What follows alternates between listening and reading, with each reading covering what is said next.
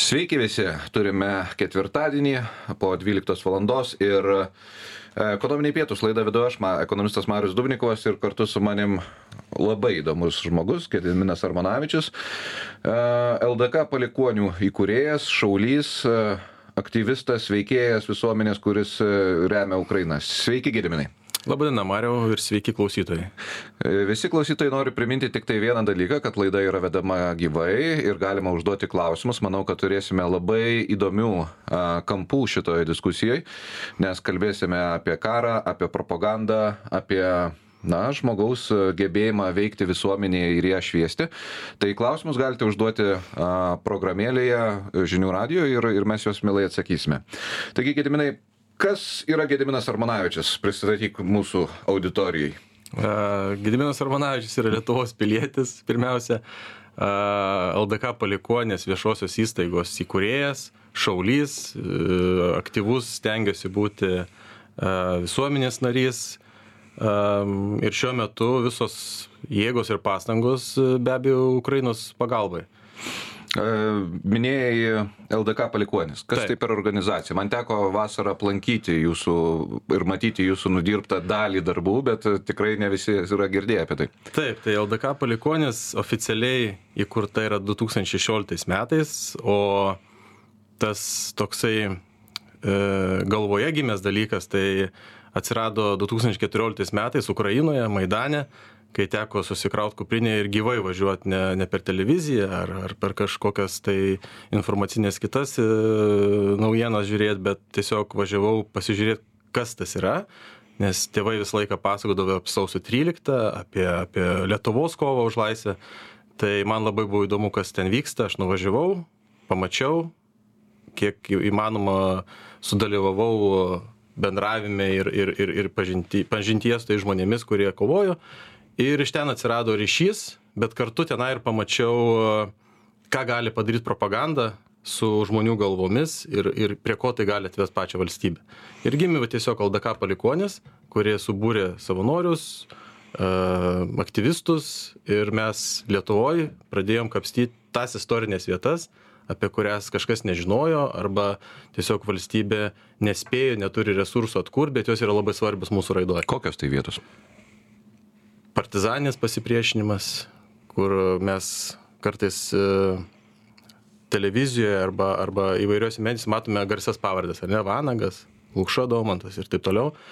Bet e, visai nesinai va teko karo akademijos skaityti paskaitą ir aš kariūnų paklausiau, ar žinot, kur jūsų akademijos vardu pavadinto Jono Žemaičio yra pirmasis kovinis krikštas, kuris pakeitė absoliučiai jam mąstyseną apie karą su Rusija. Tai jie nustebo, bet mes e, būtent tą vietą esame įamžinę ir taip sutvarkė, kad ją gali dabar lankyti visi Lietuvos piliečiai, e, domėtis, informacija yra. Tai yra Virtukų mūšis, netoli Kelmės.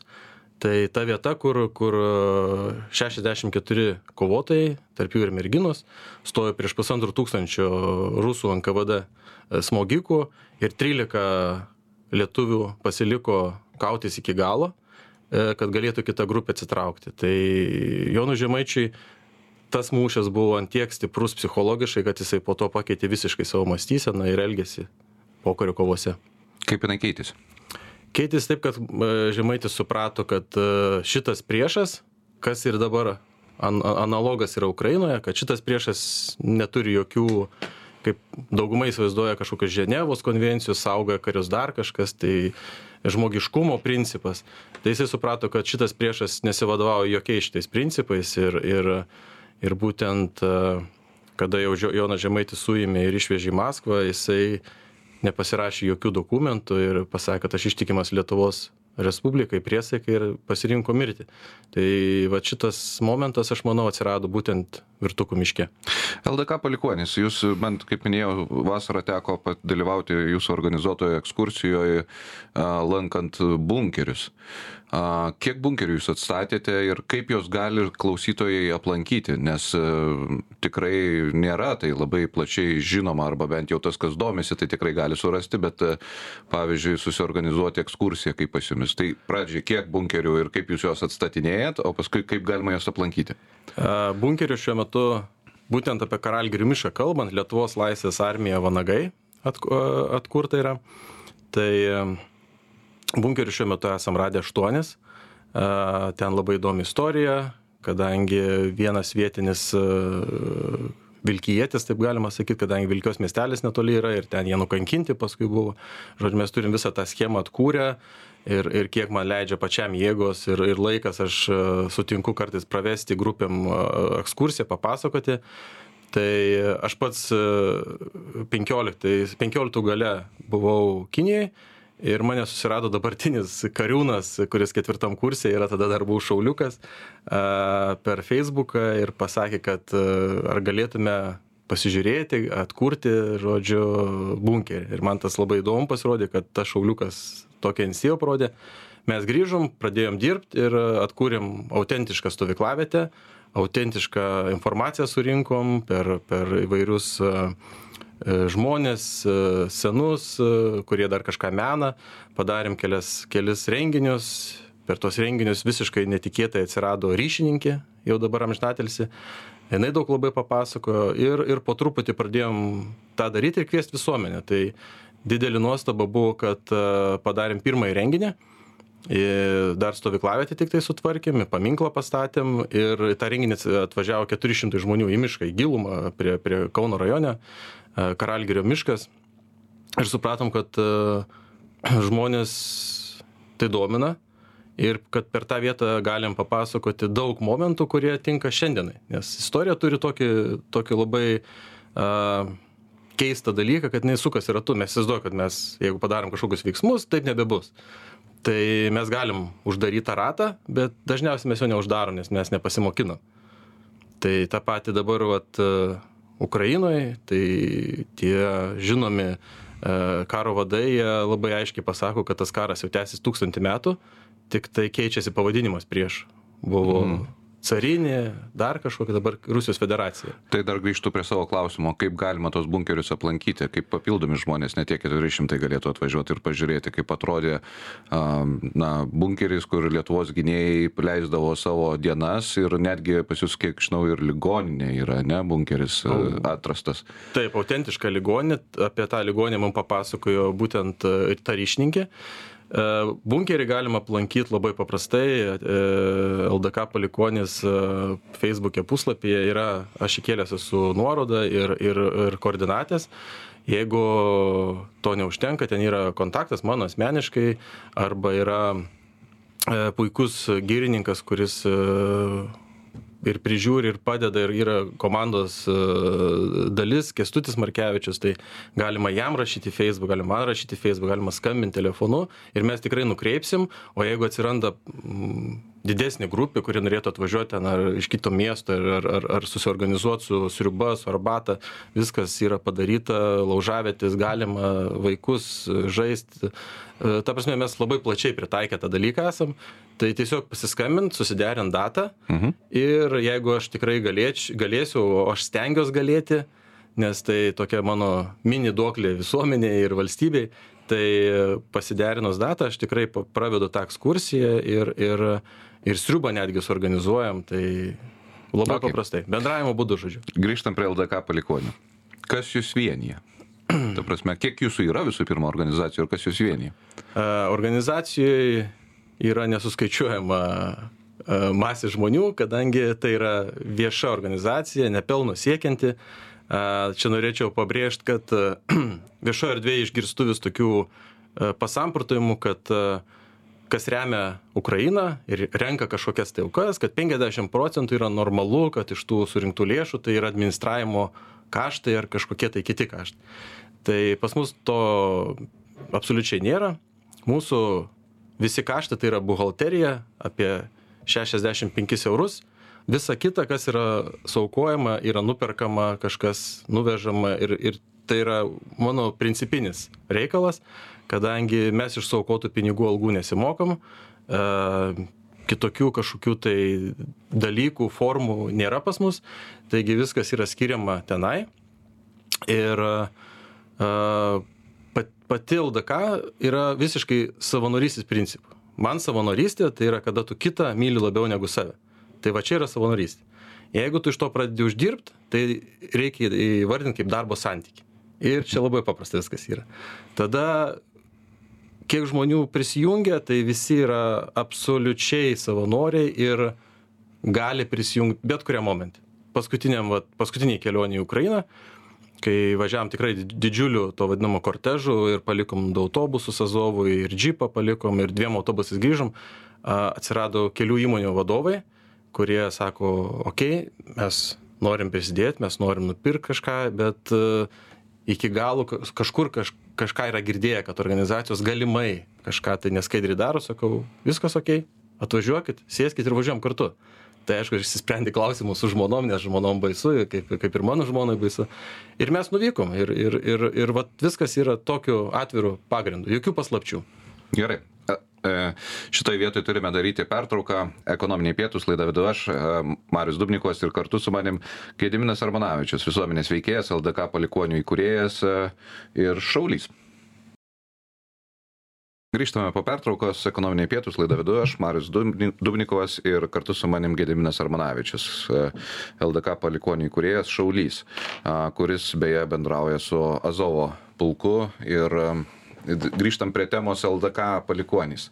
Aš savo laidos anonsę aš parašiau, ar vis dar Lietuvos genuose yra LDK dalis ar LDK genas. Ar mes jaučiam tą vienybę su ta teritorija, kurią, kurią tuo metu turėjome, valdėme ir, ir, ir bendradarbiavome. Tai aš atsakyčiau gal ne tai, kad jaučiame, bet uh, per visą savo patirtį, kiek teko nuo 14 metų Ukrainoje būti ir bendrauti su įvairiais žmonėmis. Ir mes esam darę didžiulę akciją, didžiausią Ukrainoje, ko gero, lietuviško žalų sodimą Hortiso saloje, Zaporožėje. Ir ten yra Kazokų pilis.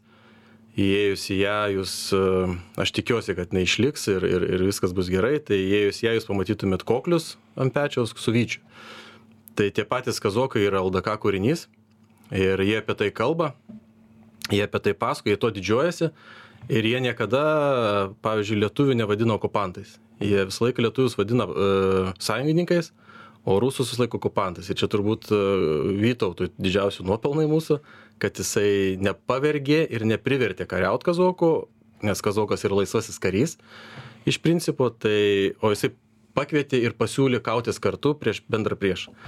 Tai, nu, be abejo, prijungdamas teritorijas ir, ir įtakos zonas išplėsdamas. Tai šiuo momentu, bet su bet kuriuo praktiškai, nu gal ne su bet kuriuo, bet su tuo, kuris domisi, e, ukrainiečių šnekant, tas visą laiką išlenda ir jie tą pabrėžia, kad e, mes istoriškai esam broliai, už tai jūs taip jaučiat mus. Ir e, būtent tam pačiam Azovo, Azovo pulke, su kuriuo tarp kitko mes vieninteliai Lietuvoje turim sutartį nuo 15 metų. Ir ten yra toks, tokia įdomi labai asmenybė, Aleksandras Alfiorovas.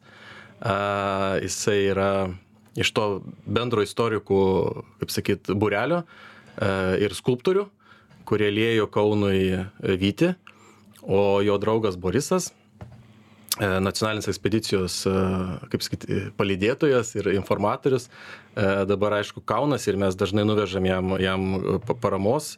Būtent visą laiką tą akcentuoja. Apie monetas, kai eina kalba, apie auksinius vartus Ukrainoje, apie įvairius įvairius artefaktus, jie visą laiką tą akcentuoja, kad mes, mes esam toks, toks darinys, kad ir kokie buvo piktumai istorijos tarpsniuose, nes jie visą laiką vadina šeima, o šeimoje visą laiką kažkas pasipyksta arba kažkokį tai turi kabliuką. Bet e, mes niekada nebuvom tokie, tokie priešai ar, ar, ar, ar kažkokie tai skriaudėjai vieni kitų, kaip yra Rusijos federacija dabar. Gerai, grįžtam prie LDK. LDK tai įsivaizduojame tą didžiulį plotą ir e, vakar matėme trijų prezidentų susirinkimą, tai yra Lietuvos, Lenkijos ir Ukrainos prezidentai kalbėjosi apie bendradarbiavimą, išgirdom ginkluotės perdavimą. Bet kad pilnai susiformuotų LDK dar turi būti Baltarusija. Kaip su Baltarusija? Ar jinai gali būti kada nors e, tokiam dariny vėl atsirasti ir sąjungininko paties nuomonė?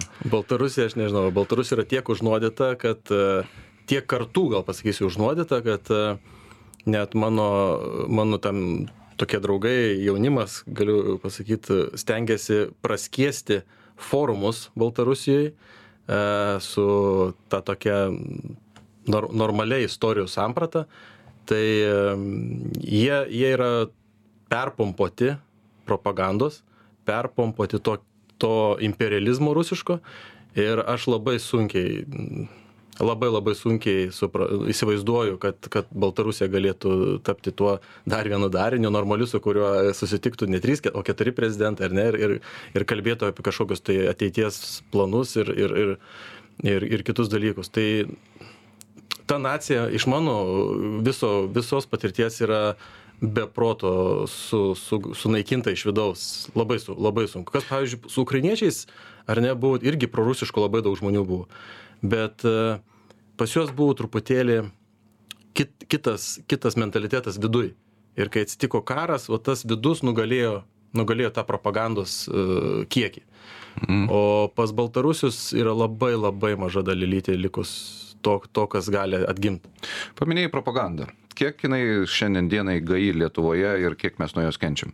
Oi, tai propaganda yra turbūt vienas iš didžiausių variklių, kuris privertė įkurti LDK palikonės. Tai kai atsidūrė Ukrainoje, e, visi, nu ir dabar tas pats yra, pavyzdžiui, pasakoja, kad e, ten pabėgę ukrainiečiai nepadeda patys savo šaliai ir taip toliau.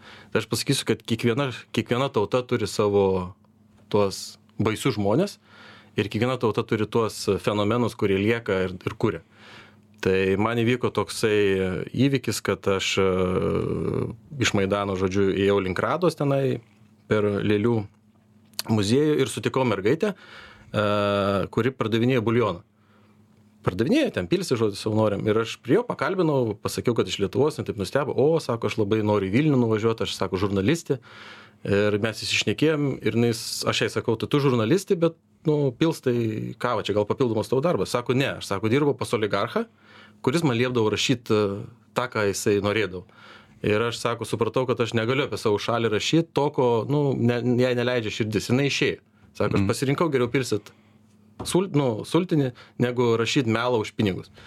Ir aš va tada supratau, kad e, vardan tokių žmonių reikia kažką padaryti.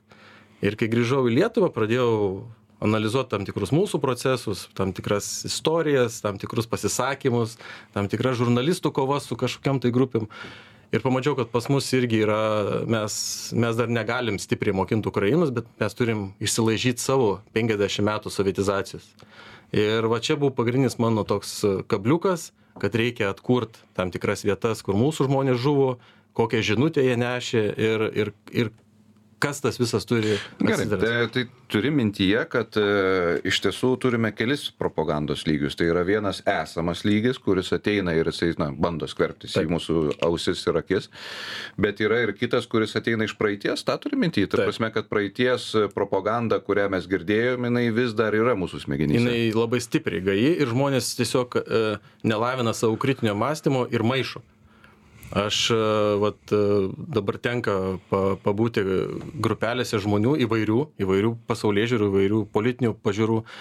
Ir e, jie gali lieti žvakes gali siūti neštuvus pinti tinklus vienoj vietoj bet yra tam tikri dirgikliai kuriuos pasakius jie gali taip susipykt kad nebegrįš į tą patį kambarį. Ir Kokie tai dirgikliai? Kas dirgina šiandien dienai lietuvaičius? Kas Na, verčia prisipyk? Įvairūs. E, gali būti ta pati gėjų tema, tas, e, na, turbūt Landsbergio pavardė, tai čia jau yra klasika ir čia pasaky, bet kokiu atveju pasakyk, tas tiks ir, ir, ir, ir, ir patiks. Dabar labai stiprus yra, kai Ukrainos karas prasidėjo, be galo stiprus dirgiklis, tai yra ekonominis klausimas, kainos ir taip toliau ir panašiai. Tai bet čia irgi viskas atsiremia į kritinį mąstymą. Jeigu tau, kaip pavyzdys, 2 eurai yra brangu už dizelį, tai gali nusilenkti Rusijai, priimti tas sąlygas, kurias tau ten siūlo ir pagyventi kažkiek, bet e, aš nesutinku, pavyzdžiui, su tuo ir aš galiu, galiu mokėti arba iš vis nepirkti to dizelio, bet neišlaiky, ne, ne, ne, nepasitik savo šaly to, kas dabar vyksta Ukrainai. Tačiau žmonės ne, neatsirenka kainos, kas tai gali įvykti už tai. Bet aš manau, kad aš, nu nežinau, gal, gal gyvenam kažkokiam tai burbule, bent mano burbulas aplinkui e, kažkaip tai panašu, kad pakeitė e, savo požiūrį. Ta prasme, jeigu anksčiau būdavo na, ten 2 eurai, vad paminėti, už benziną ar dizelį, būdavo tragedijos, e, rašomi straipsniai apie tai ir, ir ta prasme, to piktinamas ir taip toliau. Bet prasidėjus Ukrainos karui, aš vis dažniau girdžiu tokią pasakymą, kad uh, man zin. Tai, tai nežinau, ar tik tai uh, mano aplinkoje pasikeitė žmonės ir jie nebereaguoja taip stipriai, ar čia galbūt turtinė galimybės, kas nepaslaptis, ta prasme, pagerėjo tikrai per paskutinius dešimt metų ir, ir tie 2 eurai nebe nebeatrodo taip baisiai. Bet atsparumas, ko gero, visuomenėje jisai padidėjo. Yra mažuma turbūt, ar kaip manai, ar mažuma, ar didelė dalis, dalis, dalis žmonių, kurie vis tik tai yra paveikti propagandos ir yra veikiami lengvai. Aš manau, kad žmonės tobulėja e, ir, ir tam tikri e, veiksniai, žmonės, visuomenininkai ir, ir didelį galybį žmonių prisideda prie to, kad žmonės tą kritinį mąstymą vis tik tai ugdo.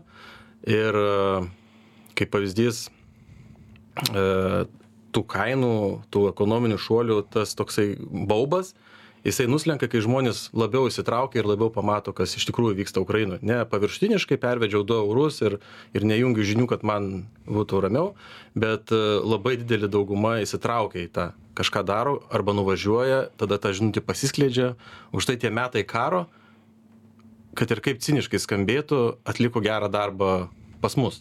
Mhm. Nes iš tikrųjų, iš tikrųjų žmonės įjungia tą mažyti kritinio mąstymo sraigtelį ir jisai suka ir, ir didina tą dalyką. Gerai, turime daryti pertrauką. Grįžtame po pertraukos, ekonominiai pietus, laidu vedu aš, ekonomistas Marius Dubnikovas ir kartu su manim šiandien Gediminas Armanavičius, LDK palikonių įkūrėjas. Ir žmogus, kuris organizuoja paramą Ukrainos Azov kariams.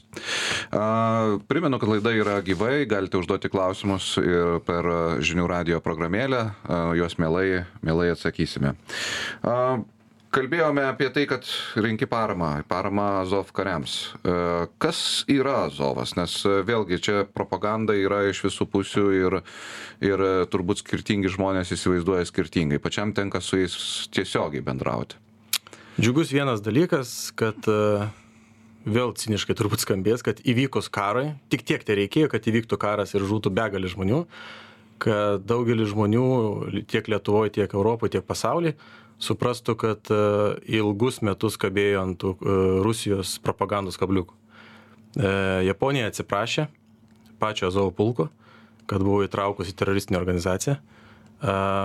Žmonės turbūt pamiršta, kad tokį dalyką, kad yra labai didžiulis diasporos Rusijos žmonių, kurios veikia nedraugiškai, turi infiltruotus tam tikrus agentus ir jeigu pamato kažkokiai teritorijai darinį, kurį reikia sunaikinti, kuris kenkia interesams Rusijos, tai sudės visas pastangas, kad tai padarytų.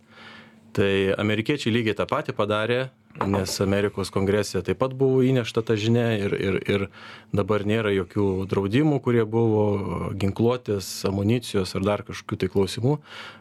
Visai nesnai mano draugas Georgius Gruzinas, kuris kovėsi Azovstalėje, išsigydė savo sužeidimą ir buvo nesnai Vašingtone kur derino savo kovotojam paramą. A, iš esmės, Azovas susikūrė iš futbolo fanatikų, iš tų vadinamų ultrų, todėl buvo labai lengva prikabinti jiems visokius, nu, ten fašistinius elgesius, dar kažką, nu, tokie jokingi dalykai, bet ant jo, ant jo galima pakabinti ir, ir būtent vienas iš tų kabliukų ir buvo visa ta karo, karo mašina užkurta ant to, kad jie į Ukrainą žengia naikinti fašizmą. Bet ką padarė pats Azovo pulkas tam pačiam Mariupolį, tai vat, prie, apie propagandą, kai išnekėjom, kaip galima žmonės sukiršinti, tai lygiai tas pats buvo, kad ilgus metus e, tas e, buvo kūriama, kad Azovo kariai uh, žudo gėjus, ten atiminėja turtą, nu, visokiausių, visokiausių buvo. Ir kas įvyko Mariupolį, tai visi žino tą legendinę Zostalio gynybą, ir kas po to įvyksta, kad e, Rusija įrengė filtracijos stovyklas. Tai Azovas, fašistinė organizacija, kabutėse, ta, tiek ilgai piešta, uh, gina miestą, nefiltruoja ne vieno gyventojo, ar jisai gėjus, ar jisai ten socdemas, ar jisai konservatorius, ar jisai e, geltonas, mėlynas, žalias, raudonas. Jie gina visą miestą, atitraukia vaikus, senelius, vyrus, e, moteris į rusius ir iki galo laiko ir, ir, ir, ir žodžiu, ir gina piliečius. Ir nėra jokių stovyklų, jokių filtracijų, jokių, jokių išskirimų, jokių politinių pažiūrų, kaip nieko nėra. O Rusija, kaip jau sutarė, žodžiu, kad jie pasiduoda, įvykdo filtracijos stovyklas. Ir ne vieną, o tris. Vieną vietoje, kitą uh, už, užgrobtose teritorijose ir trečią Rusijoje. Tai čia visas atsakymas tame slypi. Mhm. Ar dabar Azovas yra aktyvus vienetas? Be abejo, propaganda vėl piešia, kad Azovas krito Mariupolė. Taip, didelė dalis pulko ten buvo ir, ir sunaikinta, ir, ir paimta nelaisvę, bet labai daug yra jau grįžusių, išsigydžiusių. Be abejo, dauguma negali kautis, bet jie gali dalinti žiniomis ir, ir, ir motivuoti. Tas pats mano draugas Aleksandras Alfiorovas praktiškai ne, ne, neišeina iš e, šito, iš poligono, kur yra naujokai apmokomi, e, pasakojama viskas, rengimas. Ir e, tas pats Georgijus, vat, kur minėjau, kai buvo, kai buvo Vašingtone, suderino aprangas, šalmus, lėmenės jau naujai daliai. O kitos, kit, kitos dalis yra išskirtos prie ZSU, bet jos aišku pavaldžios Azovo vadui e, dabartiniam. Ir pagrindinis klausimas, visi klausia, kodėl, kodėl neišleidžia Deniso iš Turkijos, tai Rusija puikiai supranta, kad jisai grįžęs, jisai sumotivuotų dvigubai tiek žmonių, kiek dabar yra pulkė. Mhm. O man toks kyla klausimas, ta prasme, žmogus, kuris iškeistas, jau grįžo iš Rusijos, e, sakykime, apkeitimo būdu, jisai gali grįžti į vėl į frontą? E, yra tokių pavyzdžių jeigu jie pareiškia norą jeigu nėra sužeidimų didelių jie aš ne vieną atvejį žinau tokių a tas pats a, profesorius vadinamas garsusis medijose docentas kitaip jis užsivadinęs buvo jisai ir irgi iškeistas jis ne nelabai ką gali dabar duot interviu bet jisai toliau pulke dirba tą darbą kurį dirbo iki tol Mhm. Gerai. A, kokią paramą vežat į Ukrainą? Oi, įvairią. Mes nevežam aklai, kad parodyt dėžių kiekį, mes e, gauname iš pulko poreikį arba mes klausime, ko, ko, ko jiems reikėtų ir mes nevežam atskiriems kariams. E, nes yra labai daug, nu, Ukraina yra be galo didelis šalis ir ten galima tiesiog surast kažkokį karį, jisai pasivadins Azovo ar dar kažkur jam vežti, bet tai yra netikslinis ir nueinantis, vėl nežinau, kur ta parama. Tai mes tiesiog skambiname vadovybei, kadangi turim, kaip minėjau, sutartį, žinom, kaip tas vyksta, klausiam poreikį, jie išrašo raštą būtent tam poreikiai, mes jį superkam, surenkam, ar, ar, ar žmonės kažkaip padeda surinkti, sunešti, supakuojam ir tada susideklaruojam ant sienos viską ir važiuojam tiesiai į pulką. Ir kas tai yra? Kas tai per prekes įvairios? Pagrindė, pagrindė yra uh, konservuotas maistas, kuris gali stovėti bet kokiam sąlygom. Uh, labai pagelbėja uh, sausėjai kariniai daliniai Lietuvos. Šilta apranga, esam vežę daug pirkę aprangos šiltos. Medicina, jeigu neminėjau. Droną esam dabar visai nesenai 53 brigadai nuvežę transportas, jau esame apie 30 transporto priemonių įvairių nupirkę, nuvežę, dabar didelio pravažumo sunkvežimo paprašė, tai ieškosim, darysim akciją termovizoriai, bet viskas pagal poreikį. Mes, mes nesam, nekuriam, kaip sakyt, tų istorijų kažkokių tai, e, kad surink daugiau pinigų ar ten e, daugiau parodyt, bet e, mes grinai ko paprašom, ko paprašo mūsų, mes tą ištransliuojam, bandom surinkti, nupirkti ir nuvežti.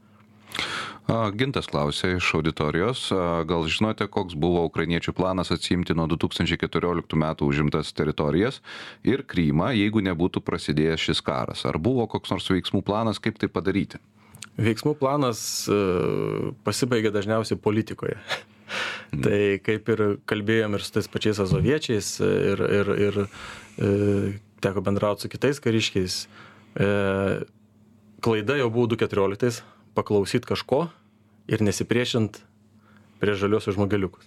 Tai Azovas yra būtent tas darinys ir kaip bebūtų gaila, tas e, mano draugas yra žuvęs jau, e, krūkas šaukinys, jisai buvo tas žmogus, kuris įkūrė juodosius žmogeliukus. Tai va čia kaip klausimas, ar buvo planas, tai jisai buvo iš karto, bet jisai gimė ne, ne kariniai vadovybei ir ne politikų galvose, bet tų uh, aktyvių piliečių, kurie nesutiko su, su teritorijų praradimais, su kažkokiais um, žmogeliukais, kurie neturi nencijų ir jie nesuprato natūraliai, kaip ir aš turbūt, ir, ir, ir, ir dauguma nesupranta, kaip pas tave kieme vaikšto žmogus be jokių ženklų, su automatu tau grasina ir tu negali jo eliminuoti.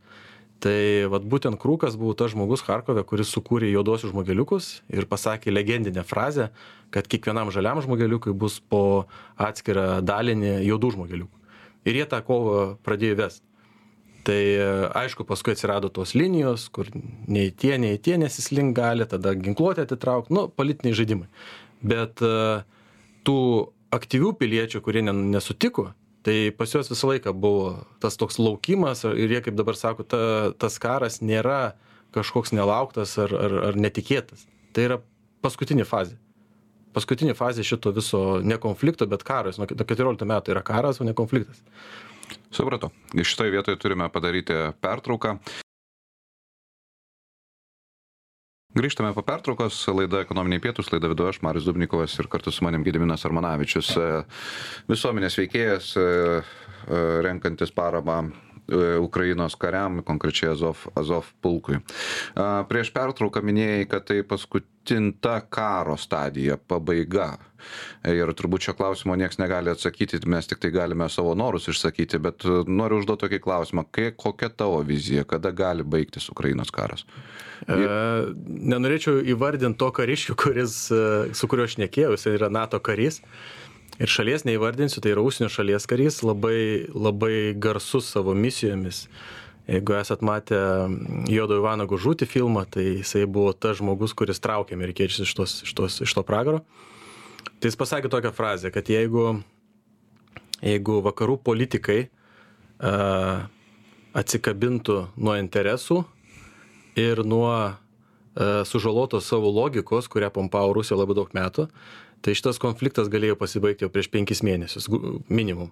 Mhm. minimum. Ir toks labai paprastas pavyzdys, e, Berots Ochmanas e, visai nesenai pasakė šitą dalyką ir iš tikrųjų tai yra labai didelė tiesa. Amerika tokia galybė išeina ir pradeda diskutuoti apie 50 Bradley mašinų perdavimą, diskutuoti, kai jų turi 7000 rezervė. Tai va čia yra pagrindinis klausimas, kada pasibaigs konfliktas. E, konfliktas pasibaigs tada, kada vakarų politikai, kaip sakyti, išsioperuos iš galvų propagandą, kuri juos yra nu, labai ilgai užmaitinus ir jie dar tiki Rusiją kaip, kaip valstybė, su kuria bus galima dirbti arba bendrauti arba, arba vysti kažkokius tai ekonominius ar politinius tikslus. Uh, Tai... Man patiko Aristovičiaus e, mintis, kad vakarai mm. tikrai neturi dviejų vizijų. Tai yra vienos vizijos postpustiniškos Rusijos, kaip jinai galėtų mm. atrodyti. Ir antra, antras, ką reikia sukurti, tai yra vizija po rusiškos etapos. Jeigu Rusija vis tik tai paimtų ir pradėtų birėti ir kaip tada. Ir tai tos programos vakaruose nėra, ko gero. Yra tiesiog, um, kaip pasakyti, įsivaizdavimas, kad šitą karą reikia kažkaip taip užgniaužti ir vėliau vėl viskas grįžtų kaip ir į buvusias vietas, bet ko gero, kad taip tiesiog nebus, nes Rusija, na, akivaizdžiai aižėja tiek politiškai, na, absurdas, kai karo ministras, sakyčiau, ne, ne gynybos, bet karo ministras, kur pradeda kurti savo asmeninę kariuomenę, kas yra, tai reiškia, rodo aižėjimo požymis. Na ir kitas dalykas ekonomiškai, tai yra tai, ką jie padarė, tai yra visiškai nusikirto savo dujų ir naftos e, verslovės, kurios, kurios na, jos neatsistatys. Bet tas suvokimas, ko gero, ateina, nes šarvai, šarvų tiekimas, na, kad ir tų 50 bredlių, ko, ko gero, kad yra lūžis tam tikras. Tam tikras lūžis, bet žinutė žinutė yra silpna. Mhm.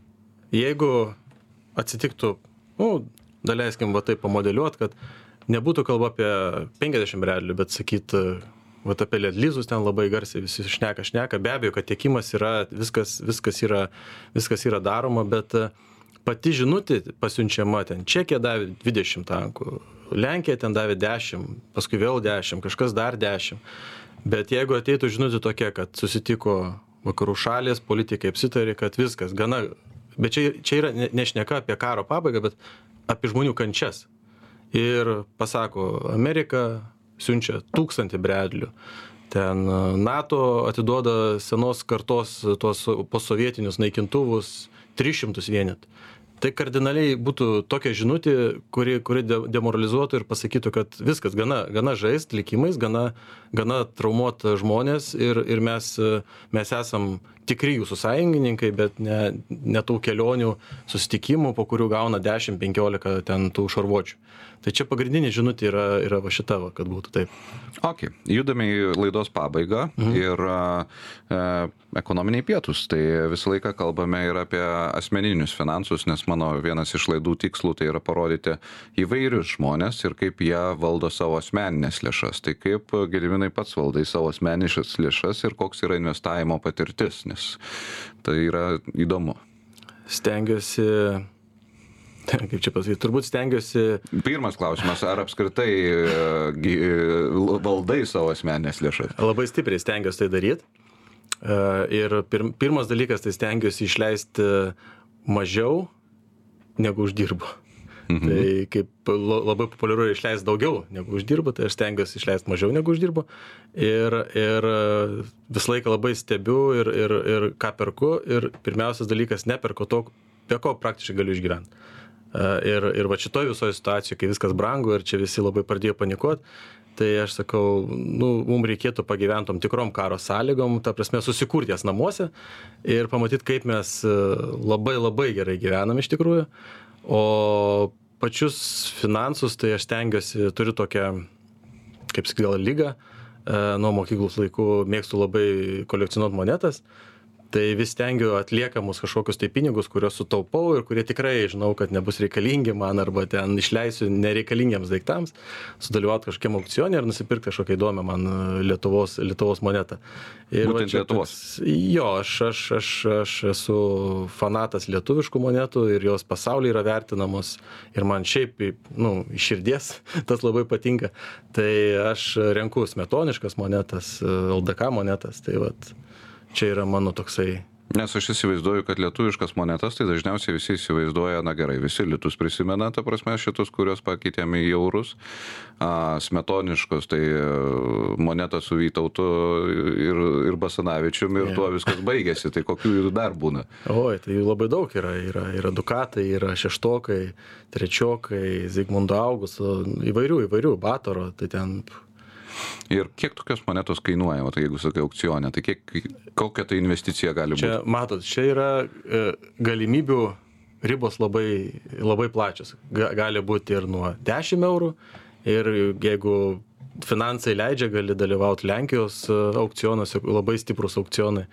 Ir yra, yra e, auksinių netgi LDK monetų, kurios be proto brangiai kainuoja, bet žmonės investuoja, nes e, nu, jų niekas nebepagamins daugiau, jų gali tik tai išnykt ir, ir jos tik tai sensta.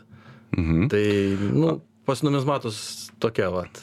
Man tas ties pasakius, pasakius rinka yra visiškai svetima. Kokią gražą galima gauti iš to? Nu, kad įsivaizduoti, ta prasme, Na, pavyzdžiui, aš- su akcijų rinka ar su kuo nors palyginus. Aš kol kas nepardaviau dar nieko, bet e, e, pavyzdys e, Vytautus sidabrinius. E, Esu kažkada pirkęs po 25 litus. E, Dabar Vytautą nupirkti už 60 eurų jau yra gerai. Ir per Tai- kiek čia laiko? Nu, tai jeigu litai, tai Litai tai aš nežinau. prieš kiek- 14 metus. Kažkas tokio jo. Mhm. Tada yra dar ten kiti momentai, yra greidinimai monetų, siunti į Vokietiją, juos greidina, įdeda į tokią dėžutę, sertifikuoja, tada tu jos negali daryti, kitą vertę, ten pasako lygijos, tada jinai dar, vat, nesenai žiūrėjau, e, tam pačiam Facebook yra tie aukcionai, tai e, Vytautą pardavinėjo už 365 eurus, greidinta. Greidinta, tai ką reiškia? E, Dėžutėje? Sertifikuota jo, nustatytas jo buvimo rinkoje lygis, kiek jinai yra nudėvėta. Mhm. Tai va. Supratau. Gerai, tai monetos vienas dalykas. Ką dar? Esu papuolęs į kripto pasaulį kažkada, bet man ganėtinai neblogai pasisekė. Aš dabar nepasakysiu, kuriais metais, turbūt prieš išvažiuojant trumpam į Kiniją, kaip čia tik tai prasidėjo viskas, visi, visi, visi tapo milijonieriais iš kripto kabutėse, teko investuoti 6 tūkstančius eurų. Tada draugas man ten padėjo, nes aš truputėlį dar nelabai ten gaudžiausi, kas yra. Pavyko atgautos 6 tūkstančius truputėlį su, su, su, su kableliu ir pasilikti dalį kriptovaliutos, kuris dabar portfelis ten irgi berots kinta, nu, aš nelabai ten dabar seku, bet kažkas iš nulio jeigu taip galima pa pa pasakyt dabar yra taip pat ten portfelis apie šešis gal tūkstančius. Bet aš prie jo nelendu ir sakiau palikau vos ne ne ne ne sūnui. Aš tai pasakyčiau kad esi baisus pavyzdys to kad labai baisus. baisus pavyzdys dėl to kad kriptovaliutos yra visiškas spekuliavimas tai nėra investavimas o dar ir kad žmogus kuris iš to uždirbo tai iš viso yra tikrai baisus investavimo pavyzdys. Aš pasakyčiau neuždirbo bet pasisekė gal. Pasisekė taip būtent nes nes man man e, ši rinka visada primena e, amžiaus istoriją, tai yra tulpių svogūnų manija, kur žmonės prekiavo tulpių svogūnėlės ir kainos labai stipriai sviravo. Ir buvo tokių blogų pavyzdžių, kurie iš to uždirbo ir kitus dar įtraukė. Aš labai džiaugiuosi, kad aš turėjau draugą, turbūt gerą šalia, kuris pasakė man per nuotolį bėg. ir aš pabėgau tuo momentu. Bet šiuo momentu aš neužsiemu tokiais dalykais. Mano aistra yra monetos. Mhm. Ir ten tiesiog sakau, vat, vat sunus gimė, su žmona gavom dovanų 200 eurų ir aš nupirkau jam auksinę monetą. Tai vat, ir padėjau. Supratau. Gerai, laida, laida baigėsi, gaila, greitai prabėgo laikas, įdomu buvo pabendrauti apie Ukrainą, apie Azovą ir apie propagandą, kuri be abejo smelkėsi į mūsų ausis tiek gyvai, tiek ateina iš suformuotų stereotipų, kurie kartais net nesąmoningai turbūt priverčia mus priimti kažkokius sprendimus. Tai turime šiandien laidą baigti. Laida ekonominiai pietūs. Laidą vedu aš ekonomistas marius dubnikovas ir su manim šiandien buvo gediminas arma armonavičius visuomenės veikėjas ldk palikuonių įkūrėjas šaulys. Slava ukraine geruojam slava